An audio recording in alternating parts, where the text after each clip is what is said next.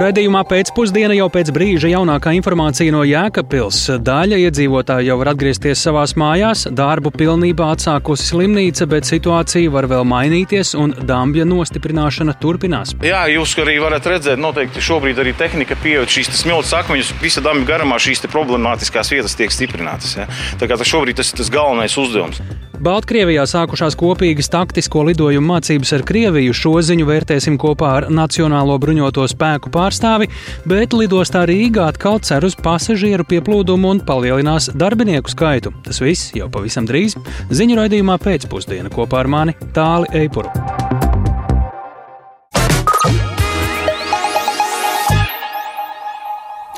Pūkstēm rādot 16,5 minūtes. Savu skanējumu sāk pēcpusdienas ziņu raidījums. Studijā tālāk Eipurs. Labdien! Pēc saspringtas nedēļas nogales plūdu skartajā Jēkabpilī situācija šobrīd normalizējas. Šodien līdz pēcpusdienai ūdens līmenis Daugavā ir krities par vairāk nekā 80 centimetriem, tomēr joprojām pastāv risks, ka aizsargdāmbis var neizturēt spiedienu. Tā nostiprināšana turpinās. Daugavas kreisā krastā evakuētajiem iedzīvotājiem joprojām ir jāpaliek pagaidu mītnēs. Viņi gan ir noguruši un ļoti gaida, kad varēs atgriezties mājās. Vidus Daugavas televīzijas žurnālistes Sandras Paegļa kalnas reportāža. Dambja stiprināšanas darbi norit nepārtraukti. Atbildīgie dienesti jau vairākas diennaktis strādā riska zonā, tostarp arī Zemesardzes 56. kaujas nodrošinājuma bataljona vecākais zemesargs Mareks Pujāts, kurš iesaistījās Dambja stiprināšanā arī naktī, kad bija vislielākais risks, ka dambi var pāraut. Šobrīd tās bailes vairs nav tik lielas, bet jā, nu, tas pirmais periods tiešām bija tāds, ka tu esi neziņā. Un īstenībā, kas ir cilvēkiem jau parasti ir, kad sākas šī panika, ja arī kaut kas tāds notiek. Un vairāk jau izslēgt šos gadījumus, kad cilvēks tiešām krīt panikā un nezina, ko darīt. Tas jau tas pats galvenais. Un, protams, ka tu esi neziņā un tu neesi saskāries ar tādām situācijām, tad līdz ar to tu pat nezini, kā tu rīkosies tādā situācijā. Paldies Dievam, ka nekas nav noticis drausmīgs un šis dambis tomēr ir izturējis. Bet uh, stiprināšanas darbi jau turpinās joprojām. Uh, jā, jūs arī varat redzēt, noteikti šobrīd arī tehnika pieaug šīs smilts akmeņus, visa dambja garumā šīs problemātiskās vietas tiek stiprinātas. Ja? Tā kā tas šobrīd tas ir tas galvenais uzdevums. Ņemot vērā Daugavas kreisā krasta dambja neizturību, joprojām savās dzīves vietās nav rekomendēts atgriezties iedzīvotājiem, kuri tika evakuēti vai paši devās uz pagaidu mītnēm. Vairāki cilvēki ir izmantojuši iespēju apmesties pašvaldības nodrošinātajās pagaidu mītnēs pilsētas skolās. Rīta ar ģimeni jau trīs dienas dzīvo Jēkabils otrās vidusskolas sporta zālē. Viss kārtībā, baro vienreiz dienā. Par velti. Jā, nekas nav jāmaksā. Tepat kafija ir, tēju var iedzert siltu dzērienu. Tepat var nomazgāties. Kas te nu, strādā, tās sievietes. Viņas arī ļoti labi izturās, ir parunāt var. Nav jau nogurums no tā, ka nevar atrasties mājās. Nē, nu tā kā bišku gribās tā kā uz mājām, bet nu, tā kā skriet pagaidām vēl nav vēlams. Evakuējusies arī Katrīna, kura uztraukusies par savu māju. Evakuācijas brīdī ūdens vēl nebija ticis iekštelpās. Смотрю, там рядышком у речки высокая вода, и снизу пошла вода. Там Mājas pelt, es lūdzu Dievu katru dienu, dos Dievs, drīz brauksim mājās.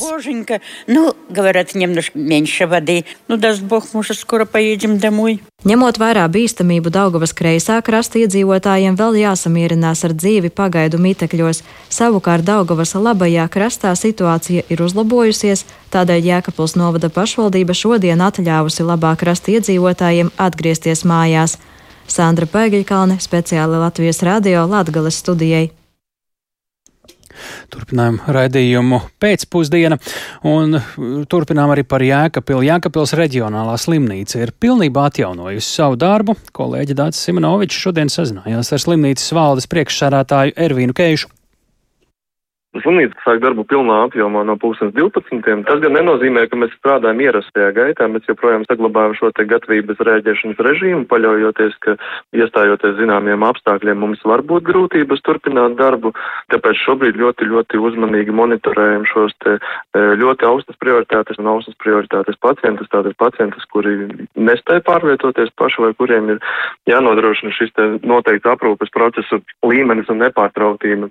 Tas nozīmē vienkārši, ka šo šobrīd kopā jau saziņā ar atbildīgajiem dienestiem mēs šo te konkrēto pacientu grupu skaitu ļoti uzmanīgi monitorēsim un mēģināsim nepieļaut, lai slimnīcā šo te pacientu skaitu nekontrolēti pieaug. Tas, tas nozīmē, ka jūs skatīsieties, kurus pacientus uzņemt, kurus nē. Tas attiecas arī uz plānveida pacientiem? Nē, šobrīd faktiski mēs neierobežam šo te uzņemumu pacientu grupas. Tas nozīmē vienkārši, ka mēs monitorēsim, lai šis te pacientu īpatsvars nepārsniedz kaut kādu saprātīgu robežu, kas mums apgrūtinātu tālāku darbu un radītu kaut kādus nepamatotus riskus.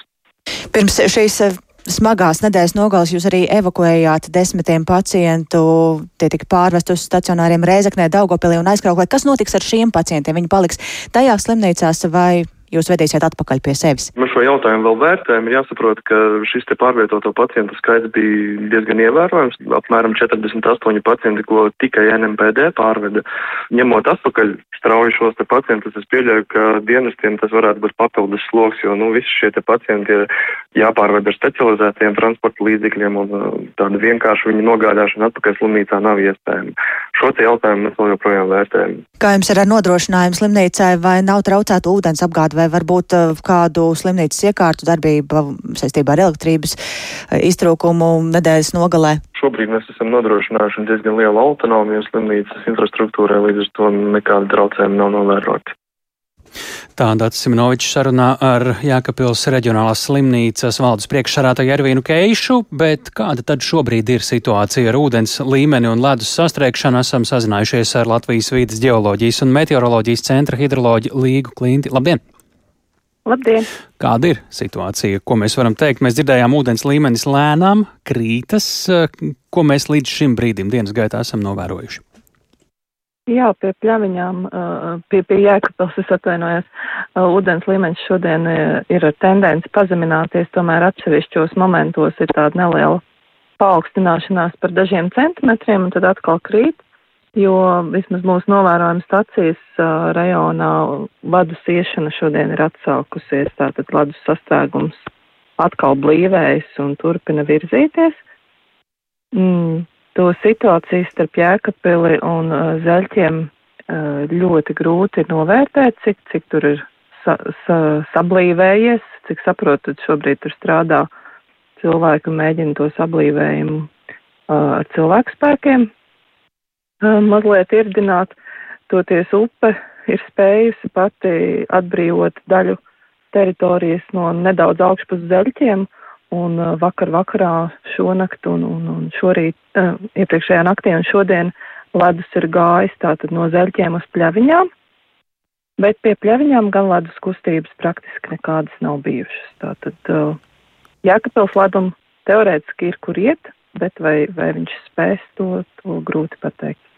Jā, tā tad atgādinām ir, ejot secībā no augšas uz leju, pa upes straumi jēkapils, zeļķi un pļaviņas, ja es, par, ja es nekļūdos kartē, un tāda tā situācija saskaņā ar jūsu sacīto. Ko tad šis varētu nozīmēt tuvākajā laikā? Mums dažas dienas šeit ir arī plus grādi, pēc tam varētu nedaudz piesalt, kas mums būtu jāņem vērā un ar ko ļoti iespējams būs jārēķinās. Nu, tik cik šajās atkušņa apstākļos ledus spēs aizbīdīties, spēs atbrīvot vietu jaunajam, visdrīzāk nedēļas nogalē atgriežoties salam, to vietu atkal aizņems jauni vižņi, jauns ledus un turpināsies blīvēšanās process. Ja ledus sastrēgums aizbīdīsies leipus pilsētai, tad tā galā krājoties ledus atkal pilsētā paaugstinās ūdens līmeni, ja tas sablīvējums paliks pilsētas robežās, kā tas ir, un no augšas nākošais ledus nespēs viņu izkustināt, tas būs pietiekami stingrs joprojām.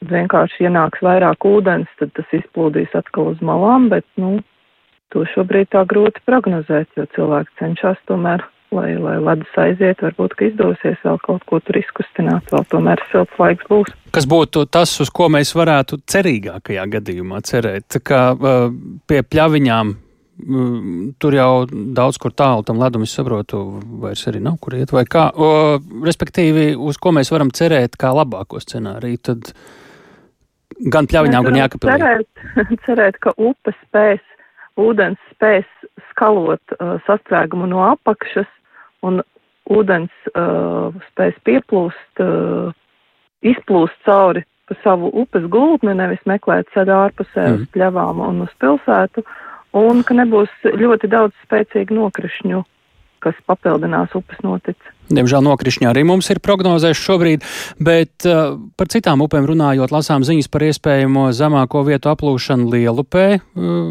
Jelgavas pusē. Uh, šī ir nākamā kritiskākā vieta, vai ir arī vēl kas? Un, ja ir kritiskāk, tad pakomentējiet to Lielupas stāstu. Uh, iepriekšējās dienās, tātad un pagājušās nedēļas beigās, daudz viet paaugstinājās ūdens līmenis. Ūdens līmenis lielākoties turpina paaugstināties upēs arī šodien. Ja runājam tieši konkrēti par Jelgavu, tad tur lielupi pie Jelgavas, tad tur ledus izgāja brīvdienās, un uh, dēļ ledus sablīvēm šobrīd tur nepastāv apdraudējums, un ūdens līmenis arī pēc tam ir pazeminājies, bet sevišķi mazo upīšu, nu arī lielāku upju palienes ir aplūdušas, vietām ir sasniegts vai pārsniegts arī dzeltenais brīdinājuma līmenis, tātad ūdens līmenis ir ar tādu atkārtošanos kā reizi piecos, divos līdz piecos gados. Mm, šobrīd uh, tā situācija nav kritiska, uh, bet trešdien būs vairāk nokrišņi, tad varētu atsākties atkal straujāks ūdens līmeņa kāpums, bet tā kā tās upes jau ir atbrīvojušās no ledus lielākoties, tad nevajadzētu būt nekādām tādām ļoti ekstrēmām. Būtiskiem lietām. riska faktoriem. Jā. Uh, vēl jautājums par uh, to gaidāmo nakti, kāda šī būs tuvākā, kur šobrīd, tad, ieskaitot Daugau pļaviņas un Jēkabpili, varētu būt tāda visnemierīgākā mm, priekšā mm, tās pašas pļaviņas vai kaut kur pie Jēkabpils nu, varētu? Nu, šobrīd pēc tās situācijas spriežot, ledus, kas aizgāja no zeļķiem, nav aizgājis, protams, līdz pļaviņām pašām līdz pilsētai, tas ir kaut kur apstājies, tāpēc pie zeļķiem atkal paaugstinās ūdens līmenis. Un, nu, Tad tā varētu būt tāda līdzi, plūdaini, trauksmainākā jā, vieta. Jā, jā. jā. Mhm. Un es vēl gribēju atgādināt, ka vidzemē Latgalē vēl vairākās upēs nemaz nav īsti tā kārtīgi gājis ledus, tā kā iespējams, ka varbūt gaujas augštecē vai, vai kādās no gaujas pietekām, kas tur ir, vai pat aiviekstē pededzē, kas ir Daugavas basēnā, varbūt arī tomēr šai atkusnī vēl paspējas ledus tomēr sakustēties un bīdīties. Tad arī tad varētu paaugstināties ūdens līmenis. Paldies par sarunu. Līga Klints, Latvijas vidas geoloģijas un meteoroloģijas centra hidroloģija. Šīs ziņas ļoti vērīgi. Klausās cilvēki, kuri šobrīd atrodas uh, ne savās mājās plūdu dēļ, un uh, arī ļoti aktīva palīdzības sniegšana ir sarosējusies. Sniegt palīdzību Jēkabpils plūdos cietušajiem ir gatavs liels skaits cilvēku. Viņi arī savu atbalstu pauž gan sociālajos medijos, gan vērš pie dažādām organizācijām. Palīdzēt gatavi ir arī tautieši ārzemēs. Plašāk palīdzību plūdos cietušajiem par šo klausāmies Agnijas Lāsdiņas ierakstā. Arī pat esmu redzējis šos te iekapils plūdus, varbūt ne tādā apmērā, bet tagad saprotu, ko nozīmē zaudēt iedzīvi un ko nozīmē strauja ūdens pienākšana. Tad es vienkārši ar sevi izlaižot to situāciju nevar palikt vienaldzīgs. Transporta uzņēmuma vadītāja Jelgavniece Inga, uzzinot, ka ūdens līmenis Daugavā ir sasniedzis kritisko robežu, sociālajos medijos piedāvāja Jēkabils iedzīvotājiem palīdzību. Transportu, ar kuru izvest mantas no plūdu skartajiem rajoniem un kādu laiku tās arī uzglabāt. Viņa ir viena no daudziem Latvijas iedzīvotājiem, kas palīdz plūdos cietušajiem cilvēkiem. Daudzi piedāvā gan naktsmītnes, gan transportu, arī dažādas lietas, piemēram, apģērbu. Biedrības palīdzēsim viens otram vadītājs Edijs Pipars atklāja, ka palīdzēt gribētāju ir vairāk nekā to, kas to lūdz. Šis ir diezgan svaigs notikums. Vēl plūdi turpinās, kad uh, plūdi atkāpsies. Es paredzu, ka tad arī sasniegt šie palīgā saucieni arī mūs, jo tad cilvēks sapratīs reālo situāciju un reālos zaudējumus un sapratīs, kas viņiem ir nepieciešams. Jo patreiz man liekas, rādīt draugi un visas ģimenes savā starpā palīdz viens otram. Tikmēr Ziedot LV ir uzsākusi naudas vākšanu plūdos cietušajiem. Divu ar pus dienu laikā savākt jau 50 tūkstoši eiro. Un kā uzsver labdarības organizācijas vadītāja Rūta Dimanta, ziedo arī cilvēki no ārzemēm. Lēmumu par ziedojumu uzsākšanu mēs pieņemam tāpēc, ka mēs sapratām, ka jēkapiliešiem būs vajadzīga akūta palīdzība un arī tāpēc, ka daudz cilvēki interesējās, kā varētu palīdzēt. Summas ir ļoti atšķirīgas, sākot no 1 eiro un sasniedzot vairāk uz 100 eiro. Kas ir interesanti, ziedo arī no ārzemēm. Es pieņemu, ka tie ir tautieši. Mēs saņemam gan no Nīderlandes ziedojumus, gan Vācijas, gan Lielbritānijas. Organizācijai saziedotā nauda tiks izdalīta plūdos cietušajiem iedzīvotājiem tad, kad viņiem būs iespēja atgriezties mājās un saprast, kāda veida palīdzība ir nepieciešama. Agnija Lazdiņa, Latvijas radio.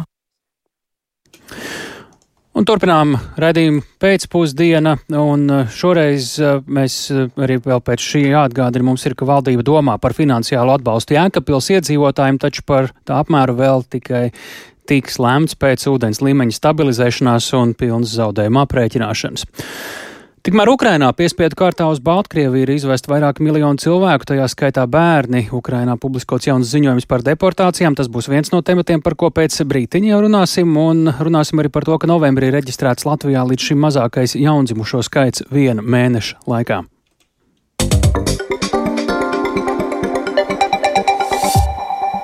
Bet Baltkrievijā sākušās kopīgas taktisko lidojumu mācības ar Krieviju. Baltkrievijas aizsardzības ministrija ziņo, ka gaisa spēku aviācijas vienību mācības ilgs līdz pat 1. februārim.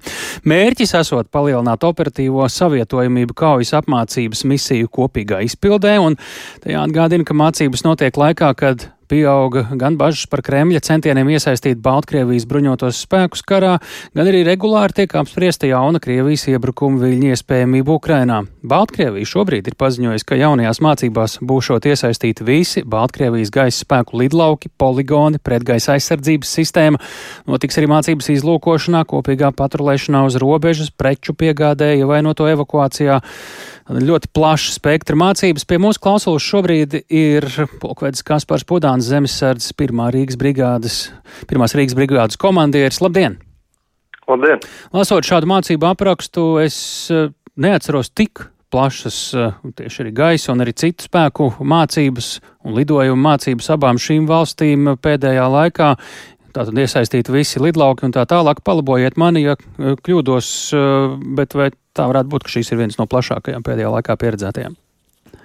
No pagaidām man pieejamās informācijas, ko es redzu, tad uh, tiešām plašākais, kas tur ir, tas ir tieši mācība apraksts, bet ne gluži tas, kādi spēki tur varētu piedalīties un uh, tas, ko viņi tiešām varētu darīt. Mācības starp Krieviju un uh, Baltkrieviju tas nav jaunums uh, gan pirms konflikta atsākšanās vai intensificēšanās pagājušā gada februārī, gan īstenībā visu šī karstā kara kara laikā. Vairāk patiesībā ir mani uztraukušas pat citas mācības iepriekš, kas bija izziņotas vairāk ar sauszemes komponentu vai sauszemes elementu vingrinājumiem. Šobrīd to, ko viņi paziņojuši, paziņojuši, jā, tās ir vairāk koordinētas taktisko lidojumu kopīgas mācības, iesaistot gan vienas puses, gan otras puses, bet vienlaicīgi pagaidām mēs redzam, ka tie ir tikai atsevišķi gaisa kuģi, kas ir pārvietoti uz, uz Baltkrieviju un veiks kopējas treniņus, varbūt pilnveidojot tiešām savu sadarbību. Savukārt pagaidām ļoti maz ir informācija un redzam tiešām apstiprināt faktu par to, ka tur būtu pietiekams sauzemes karaspēks, lai varētu tās mācības kaut kādā veidā pavērst un uh, veikt kā turpmāku uzbrukumu. Ja salīdzinām pagājušo gadu pirms Tad, kā 24. februāra tur arī tiešām bija tas slēptas, šis uzbrukuma sagatavošanās bija slēptas zem mācībām, bet skaits šo spēku, kas tobrīd tur jau bija zināms un pat paziņots bija, bija daudz lielāks. Šobrīd es neredzu iemeslu vajadzību varbūt slēpt, maskēt šīs mācības, un otrs es neredzu arī tiešām tādu pietiekamu spēku, lai virzītu šo uh, daudzumu. Vienīgais, kas varētu likt aizdomāties, ir par to, ka uh, iespējams Krievijas pusē ir jārīkojas kaut kā, un vienīgi lielākais viņu bažas vai problēmas ir šī paziņotie rietumu atbalsta piegādes, tāda smagā tehnika, kura ieradīsies, un varbūt tādā veidā viņi mēģina radīt, vai arī tomēr gatavoties kaut kam, ka viņi varētu dot triecienus arī Ukrainas rietumos, tātad apdraudēt šīs uh, rietumu kara tehnikas vai bruņojuma piegādes. Vienu pēc otra atbildējāt visus manus pierakstītos jautājumus. Lielas paldies par sarunu. Eh, pulkvedis Kaspars Pudāns, Zemesardzes pirmās Rīgas brigādes komandieris, eh, bija mūsu sarunbiedrs. Eh, turpinot skatu vēršana Ukrainas virzienā tikai krietni citā leņķī. Kopš Krievijas vispārējā iebrukuma Ukrainā piespiedu kārtā uz Krieviju un Baltkrieviju ir izvesti vairāki miljoni cilvēku, taiskaitā bērni. Izvestie cilvēki ir gājuši cauri dažāda līmeņa filtrācijas pasākumiem, kur citas starpā notikušas arī spīdzināšanas, bet pēc nonākšanas Krievijā daļa no viņiem ir pārvietoti arī uz Sibīriju, tālajiem austrumiem vai Ziemeļkaukāza republikām. Tā šodien Kijevā vēstīja cilvēktiesību eksperti, publiskojot ziņojumu par Ukrāņu deportācijām no aktīvās kardarbības un īslaicīgi okupētām teritorijām. Un šobrīd esam sazinājušies ar Latvijas radio korespondenti Kijevā Indru Sprāns, kur arī bija klāt šajā preses konferencē. Labdien, Indra! Labdien! Kas ir galvenās lietas attiecībā uz Ukraiņu deportācijām, par ko ir vēstīts šajā ziņojumā?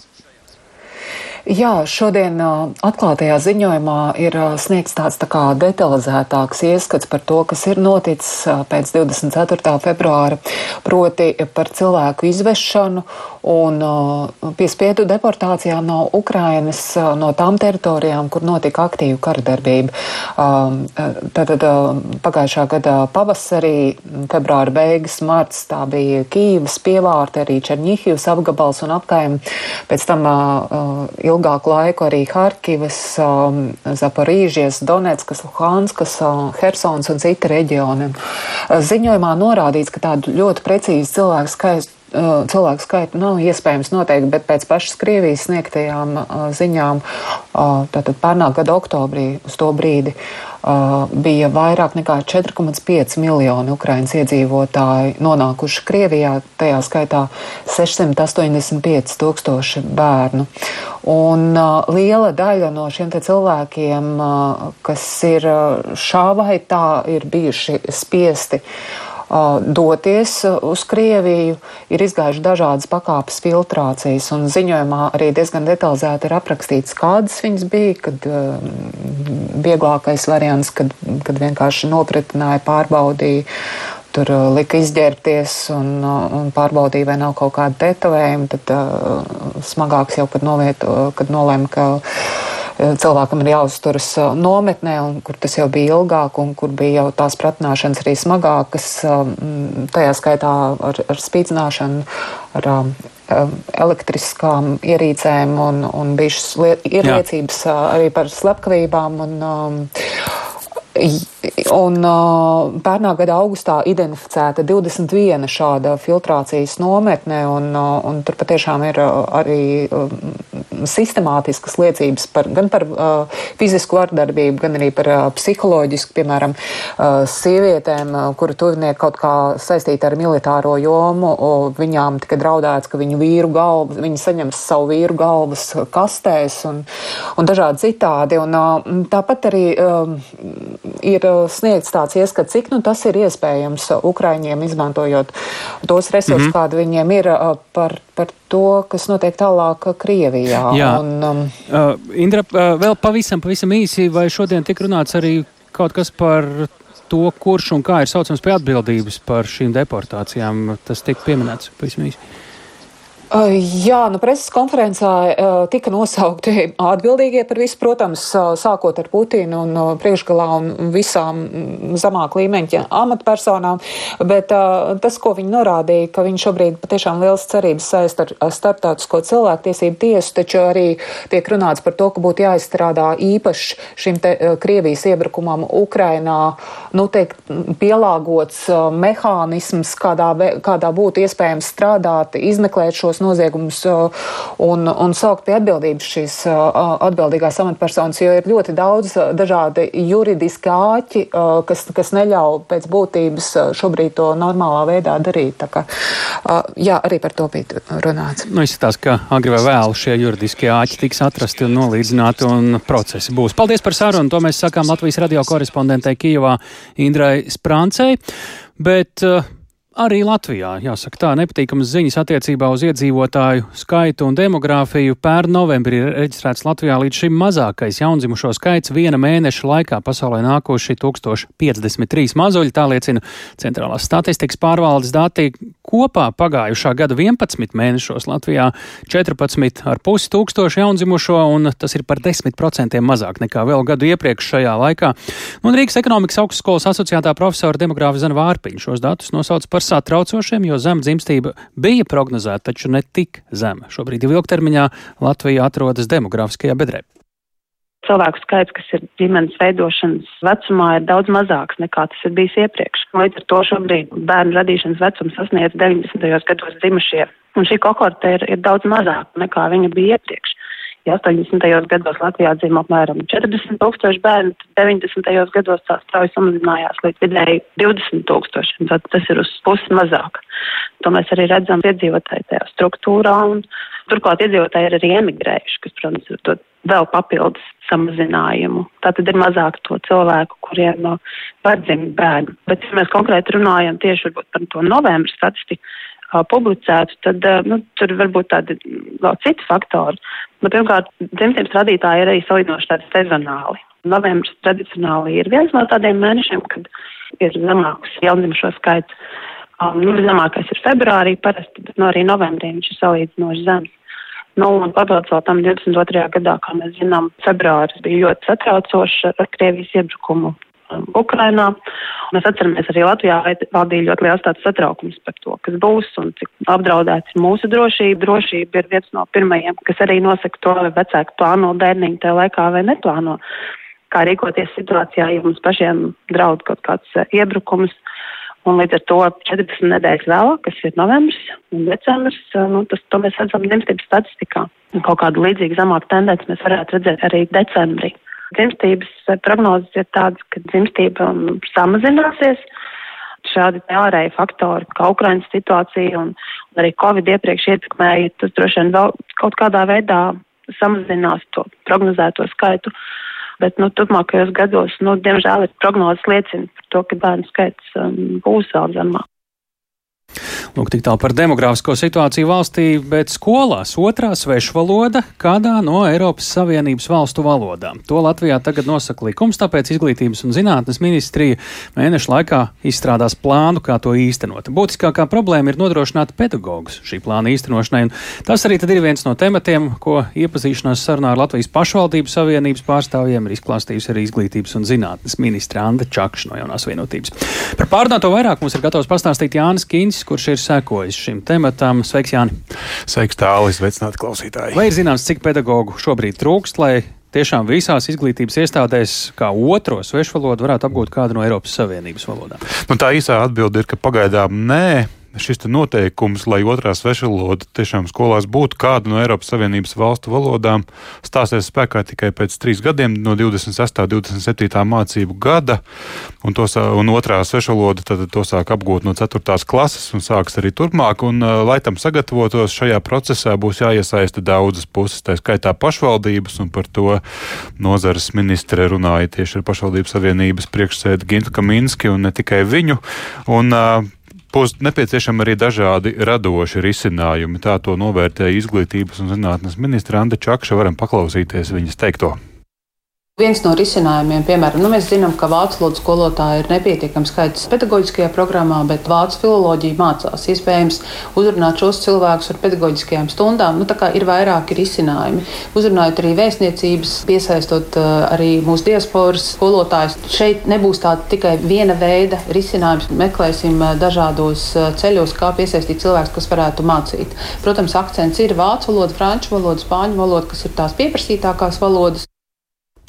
Nu jā, un šo valodu pedagoģu iztrūkumu paredzamo problēmu ministra novērtēja kā pietiekami lielu, taču precīzi datu apkopojums par nepieciešamo un trūkstošo skolotāju skaitu vēl top. Klausoties visu šīs sarunas par valsts valodu, nu arī man iekšēji tāda sajūta, ka nu, žēl, ka tas tikai tagad. To vajadzēja noteikt daudz ātrāk, un varbūt ar to problēmu mēs šobrīd nesaskārtos. Jo, protams, būs problēmas, nu, to mēs apzināmies, ka būs, bet jātiek galā. Lūk, šis jau bija stāsts par uh, vēl vienu izaicinājumu. Es saprotu par uh, to, ka no šī gada rudens bērniem ir pārēj uz izglītību latviešu valodā. Tas ir vēl viens no lielajiem jaunumiem. Jā, jā tas ir eh, viens no uzdevumiem, kas jau sāks, eh, sāksies jau no šī gada mācību gada. Tad pakāpeniski pārēja uz izglītošanos latviešu valodā no šī gada rudens attieksies uz pirmskolas izglītību un uz 1, 4 un 7 klašu skolēniem. Un arī šajā laukā izaicinājumu netrūks, īpaši pirmskolas izglītības iestādēs nu, lai mācību procesā visur pāriet uz latviešu valodu, un tas nebūtu teikt, tikai uz papīra. Un tāpēc izaicinājums būs rūpēties par to, lai pedagogiem šīs, pro, šīs programmas īstenojot būtu pašiem arī pietiekamas valodas prasmes, jo īpaši bērnu dārzos, kā to vērtēja Anda Čakša, lai mazākie bērni nonākot skolas solā valsts valodu jau prastu pietiekamā līmenī. Un tas tiešām prasīs arī liels pašvaldību resursu ieguldījums, par kuriem tikko runāja Gins Kaminskis, Latvijas pašvaldības savienības vadītājs vadītājs. Un, uh, izglītības un zinātnes ministrijā ir zināms, ka lielākais skolotāju trūkums varētu būt Rīgā, Daugaupilī un Rēzeknē, un tās jau tādas ilglaicīgas problēmas, taču datu apgūve par, par, par situāciju no visas Latvijas par to datu apgūve vēl turpinās. Paldies Jānim Kincim par stāstu attiecībā uz valodu apgūvu Latvijas skolās, bet mēs pārceļamies šobrīd uz Šveices kalnu kurortu Davosu, jo šodien tur sāks Pasaules ekonomikas fórums un uz to pulcējušies pasaules valstu politiskie un ekonomiskie līderi. Nākamo piecu dienu laikā viņi runās par globālajiem ģeopolitiskiem un ekonomiskiem izaicinājumiem, laikā, kad pasaules uzmanības centrā ir karš Ukrainā, bet ekonomika piedzīvo lielus izaicinājumus vairāk kuģis Lībietis. Līdzīgi kā pagājušajā gadā, arī šogad Davos Pasaules ekonomikas fóruma uzmanības centrā būs Krievijas uzsāktais karš Ukrainā un tā radītās sekas globālajai ekonomikai, kas pašlaik atrodas recesijas priekšā. Inflācija daudz viet strauji kāpj, energoresursu un citu preču piegādes ķēdes ir traucētas, turklāt Ķīna joprojām atgūstas no Covid-19, vai pareizāk sakot, iespējams gaida nākamo slimības uzplaiksnījumu. Uz šī gada tikšanos ieradušies vairāk nekā 50 pasaules valstu un valdību vadītāji, taču interesanti, ka no G7 valstu līderiem klātienē fórumu apmeklēs vien Vācijas kanclers Olafs Šolts. Vienlaikus šī gada fórumu apmeklēs nepieredzēta augsts uzņēmumu vadītāju skaits - vairāk nekā pusotrs tūkstots. Un, kā norāda Pasaules ekonomikas fóruma prezidents Borja Brende, viens no mērķiem ir veicināt politiķu un uzņēmēju ciešāku sadarbību.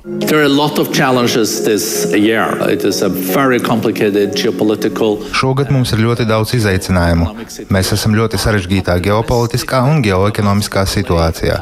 Taču es esmu optimistiski noskaņots par to, ka Davasa var spēlēt ļoti nozīmīgu lomu, savedot valstis un uzņēmumus kopā un liekot tām saprast, ka mēs varam lietas sasniegt tikai tad, ja sadarbojamies sadarbojamies un turamies kopā. Mums ir jāizvairās no tā, lai pasaule ieslīgtu jaunā recesijā. Mums ir jāveicina globālā izaugsme. Tā jābūt iekļaujošai un jārada jaunas darba vietas. Bez izaugsmes nebūs arī labklājības. Taču, kā uzskata izdevums Politico, kā jau krīzes situācijās, valstis arvien vairāk domā pašas par sevi. Līdz ar to dienas gaismā atkal ir nonācis protekcionisms. Tas attiecināms gan uz ASV, gan Eiropas Savienību. Vienlaikus izdevums aicina domāt par to, kā ir izmainījusies situācija kriptovalūtu jomā. Taču nenoliedzami uzmanības centrā noteikti atkal būs Ukraina un tās prasības pārējai pasaulē palīdzēt uzvarēt cīņā pret Krieviju. Un šāda palīdzība ir nepieciešama gan politiska, gan militāra, gan, protams, ekonomiska. Davos ekonomikas fórums ir platforma, kur arī dažādas nevalstiskās organizācijas spēja aktualizēt sev interesējušos jautājumus, tostarp klimata pārmaiņas, pārēju uz zaļo ekonomiku, arī nabadzības izskaušanu.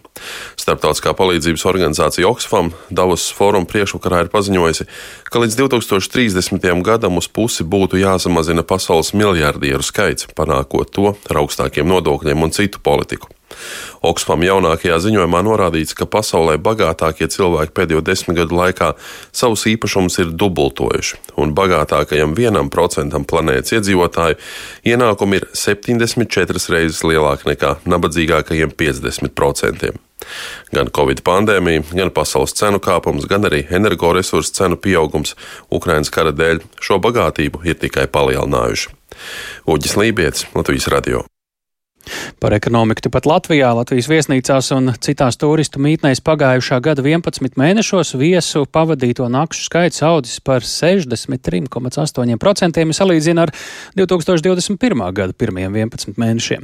Turistu mītnēs nakšņojuši vairāk nekā 3,6 miljonu apmeklētāju un salīdzinot ar laiku pirms vēl pandēmijas 2019. gada 11 mēnešiem, tad Te gan joprojām ir vērojams kritums par 24%, kamēr viesu pavadīto nakšu skaits samazinājies par tai 30%. Tā ziņo centrālā statistikas pārvalde, bet mēs esam sazinājušies ar Latvijas viesnīcu un restorānu asociācijas izpildirektoru Santu Graiksti. Labdien!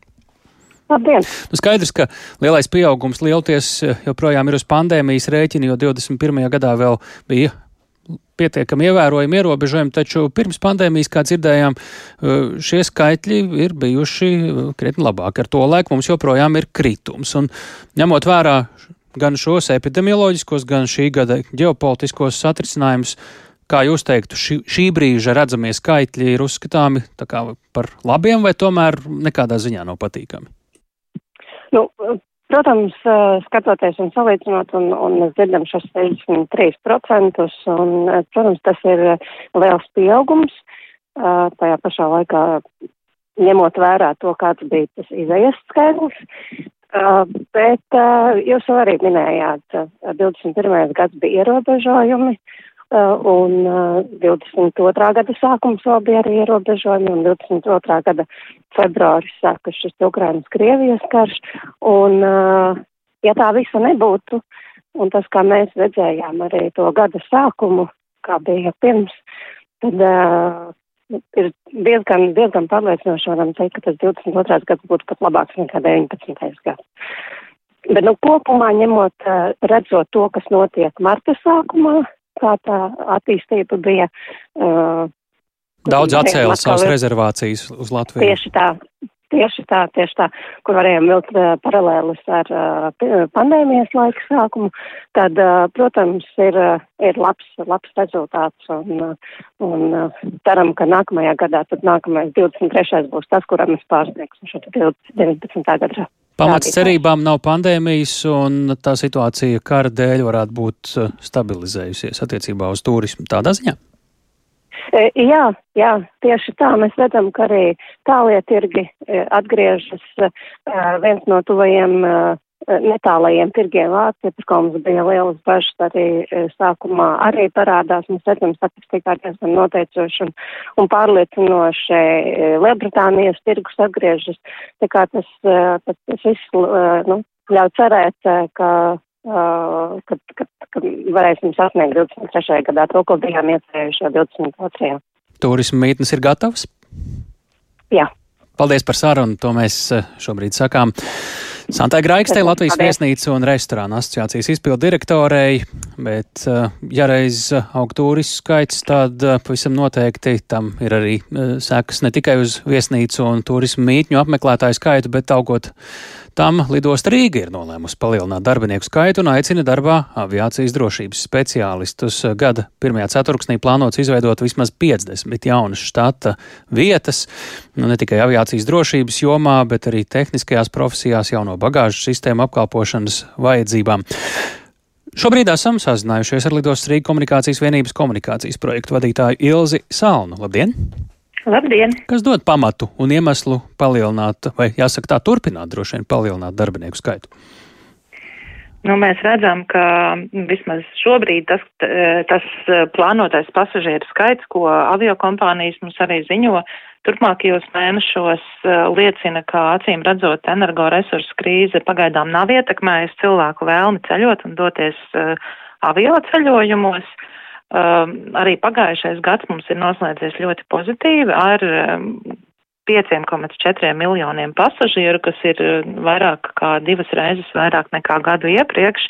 Un šogad mēs plānojam jau, ka pasažieru skaits lidostā Rīga būs apmēram 6,3-6,4 miljonu pasažieru. Uh, Līdz ar to uh, Jā. mēs gatavojoties vasarai, vasaras sezonai un tam, lai, lai visi procesi lidostā noritētu raitī, esam gatavi šobrīd palielināt mūsu štata vietu skaitu un uh, aicināsim darbā jaunus kolēģus. Mēs pirms tam runājam ar turisma nozari, ka salīdzinot ar pirms pandēmijas laiku joprojām uh, 2022. gads ir bijis ar zemākiem skaitļiem. Kā jūs redzat, lidostā Rīga, ja salīdzina ar pirmspandēmijas laiku, izveidojot šīs vēl 50 jaunas štata vietas, vai varam teikt, ka esam atgriezušies tuvu pirmspandēmijas skaitļiem, vai būsim, vai arī joprojām ir pietiekami redzama starpība būs vērojama? Nu, jāsaka, ka jau 22. gadā lidostā Rīga tiešo pasažieru skaits uh, sasniedz 90% no pirmspandēmijas laika rādītājiem, no 19. gada rādītājiem, kas ir pat vidēji labāks rādītājs nekā tiešo pasažieru segmentā m, Eiropā kur šis te um, skaits ir, ir, ir pāri par, nu, samazinājums ir pret 19. gadu ir uh, vairāk par 10%. Protams, ka samazinājies ir tranzīta pašas, pasažieru skaits, bet mēs uh, arī visi atceramies, um, kādas um, nu, ievērojamas problēmas darba spēka trūkuma dēļ pagājušajā vasarā piedzīvoja ļoti daudzas Eiropas lidostas. Un tāpēc mēs gatavojamies šim, šim pasākumam, nu, kā es teicu, saulēcīgi, lai, lai, lai šovasar to nepiedzīvot, jo redzam, ka pasažieru skaits patiešām atgriežas. Eh, kaut mm, gan labi. Eh, jāsaka, ka visas lielās Eiropas prognozes liecina, ka 19. gada pirmspandēmijas laika rādītājus aviācijas nozara varētu sasniegt gadu vēlāk nekā tas iepriekš mm. bija plānots 25. gadā.